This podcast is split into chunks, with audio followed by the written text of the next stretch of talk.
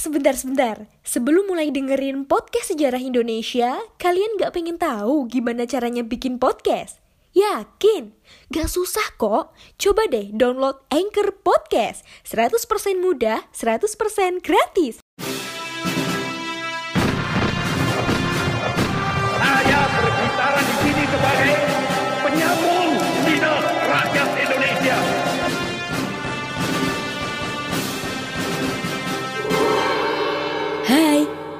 Kalian sedang mendengarkan Poseidon, podcast sejarah Indonesia.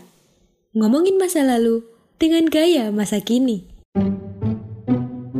Assalamualaikum warahmatullahi wabarakatuh. Salam sejahtera bagi kita semua. Salam sejarah. Saya Ika Dan kalian lagi dengerin Poseidon Podcast Sejarah Indonesia. Podcast yang bikin kalian gagal move on. So, stay safe, stay healthy Tetap semangat untuk mengulas masa lalu. Dan mohon perhatiannya kawan-kawan. Sesaat lagi saya akan membawa kawan-kawan ke masa lalu.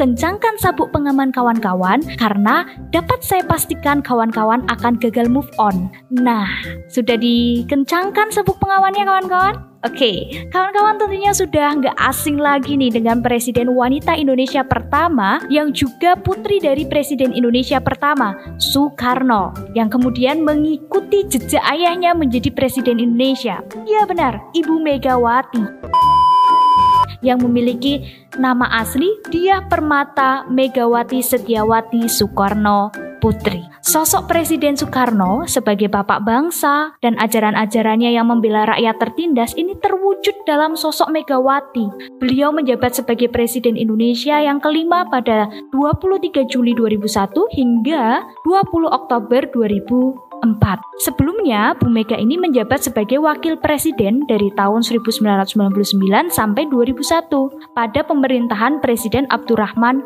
Wahid atau yang kita kenal Gus Dur. Bu Mega ini menjadi presiden Indonesia setelah MPR mengadakan sidang istimewa MPR pada tahun 2001.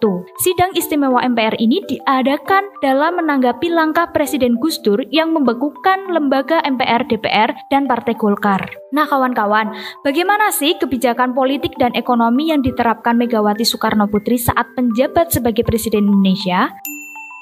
Ternyata kawan-kawan, kebijakan pemerintahan Presiden Megawati Soekarno Putri ini tertuang dalam lima agenda utama Kabinet Gotong Royong, yakni yang pertama, pemerintah harus membuktikan sikap cara tegas untuk menghapus korupsi, kolusi, dan nepotisme. Belum tuntasnya penyelesaian kasus-kasus KKN oleh pemerintah Orde Baru ini menuntut pemerintahan Presiden Megawati menangani kasus-kasus tersebut secara transparan dengan cara membentuk Komisi Pemberantasan Korupsi atau yang kita kenal KPK.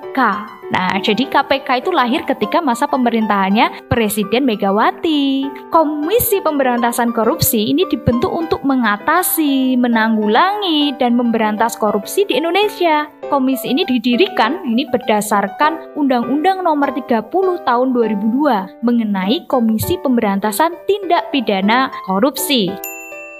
Kemudian, agenda yang kedua, pemerintah ini harus menunjukkan kesungguhan dalam apa? Dalam menyusun langkah-langkah untuk menyelamatkan rakyat Indonesia dari penderitaan akibat krisis yang berkepanjangan. Nah, bagaimana sih upaya yang dilakukan pemerintah Megawati untuk stabilisasi ekonomi saat itu? Sabar, nanti akan kita ulas kawan-kawan. Oke, kita lanjutkan dulu agenda ketiga dari Kabinet Gotong Royong Pemerintahan Presiden Megawati, yakni pemerintah harus meneruskan pembangunan politik untuk melakukan perbaikan dalam menjunjung tinggi kedaulatan rakyat. Dan yang keempat, ini pemerintah harus menunjukkan kemampuan untuk mempertahankan supremasi hukum dan menciptakan situasi sosial kultural yang kondusif untuk memajukan kehidupan masyarakat sipil. Kemudian yang kelima, pemerintah harus menjaga pertahanan keamanan dan hak-hak asasi manusia sebagai bagian dalam menciptakan kesejahteraan dan rasa aman masyarakat. Oleh karena itu, salah satu upaya pemerintahan Presiden Megawati saat itu untuk meredam konflik di Aceh itu kita tahu ada GAM ya, Gerakan Aceh Merdeka. Nah, salah satunya dengan melakukan kunjungan kerja pada 8 September 2001, di mana saat itu Presiden Megawati ini berdialog langsung dengan sejumlah tokoh Aceh dan berpidato di halaman Masjid Raya Baitur Rahman. Dalam kesempatan itu pula, Presiden Megawati ini mensosialisasikan Undang-Undang Nomor 18 Tahun 2001 tentang apa? Tentang otonomi khusus Provinsi Aceh. Berdasarkan undang-undang tersebut, Provinsi Daerah Istimewa Aceh ini resmi berganti nama menjadi Provinsi Nangro Aceh Darussalam.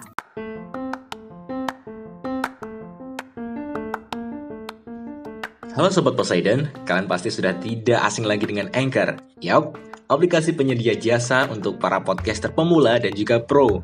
Buat kalian yang pengen mulai nge-podcast, langsung download aja Anchor di App Store ataupun di Play Store. Di sana, kalian bisa nge-podcast dengan banyak banget pilihan background musik. Setelah itu, kalian bisa mempromosikan podcast kalian ke mana pun.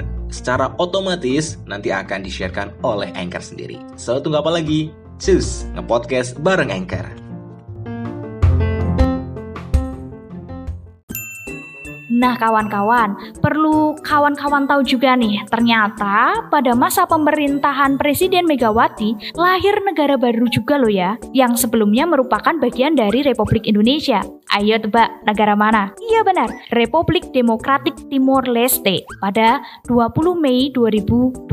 Perayaan kelahiran negara ini dihadiri oleh Presiden Megawati serta beberapa kepala negara lainnya. Nah, kawan-kawan, kalau dari tadi kita itu lebih condong mengulas ke, ke berbagai kebijakan politik yang diterapkan pada pemerintahan Presiden Megawati, lalu bagaimana sih kebijakan untuk stabilisasi ekonomi yang diterapkan saat itu? Seperti janji saya tadi di awal, kita akan ulas tuntas di sini di Poseidon Podcast Sejarah Indonesia.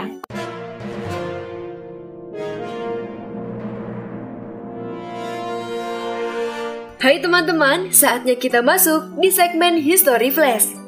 Berdasarkan data yang dirilis Food and Agriculture Organization atau FAO, 2016 Indonesia menempati posisi keempat terbesar di dunia sebagai negara penghasil rempah-rempah dengan total produksi 113.649 ton serta total ekspornya mencapai 652,3 juta US dollar.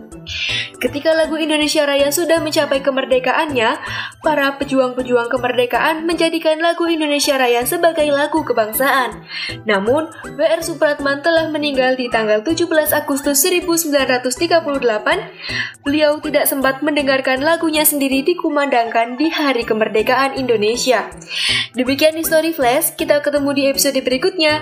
Jangan lupa untuk selalu mematuhi protokol kesehatan, memakai masker, mencuci tangan, dan menjaga jarak ketika harus beraktivitas.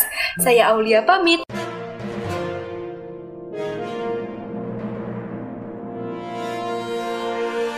Kawan-kawan, seperti kita ketahui, pemerintah Presiden Megawati masih mewarisi berbagai kesulitan ekonomi, warisan dari Orba ya. Oleh karena itu, Presiden Megawati melakukan berbagai upaya pemulihan ekonomi, yakni dengan cara yang pertama, mengatasi masalah utang Indonesia peninggalan Orde Baru sebesar 150,80 miliar US dollar dengan cara meminta penundaan utang, ditunda utangnya sebesar 5,8 miliar US dollar pada pertemuan Paris Club 2002. Paris Club itu sendiri merupakan grup informal pejabat-pejabat finansial dari 19 negara terkaya di dunia yang menyediakan layanan finansial seperti strukturisasi, strukturisasi hutang, keringanan hutang, pembatalan hutang kepada negara peminjam dan kepada para kreditornya atau juga sering dikenal uh, Paris Club ini dengan sebutan forum kredit. Kemudian, upaya yang kedua yang dilakukan pemerintahan uh, Presiden Megawati ini yaitu menaikkan pendapatan per kapita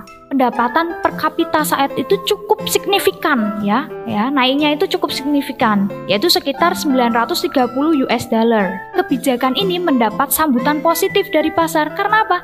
Tidak sampai sebulan dilantik sampai sebulan dilantik ini dilantik sebagai presiden ya. Kurs itu naik menjadi 8.500 rupiah per dolar Amerika Serikat yang semula 9.000 rupiah per dolar Amerika Serikat luar biasa ya Bu Mega ini nah Kemudian upaya yang ketiga apa nih? Melakukan privatisasi BUMN, badan usaha milik negara. Nah, privat privatisasi sendiri itu merupakan kebijakan menjual perusahaan negara di dalam periode krisis ya. Dengan tujuannya apa? Untuk melindungi perusahaan negara dari intervensi kekuatan politik dan melunasi pembayaran utang luar negeri.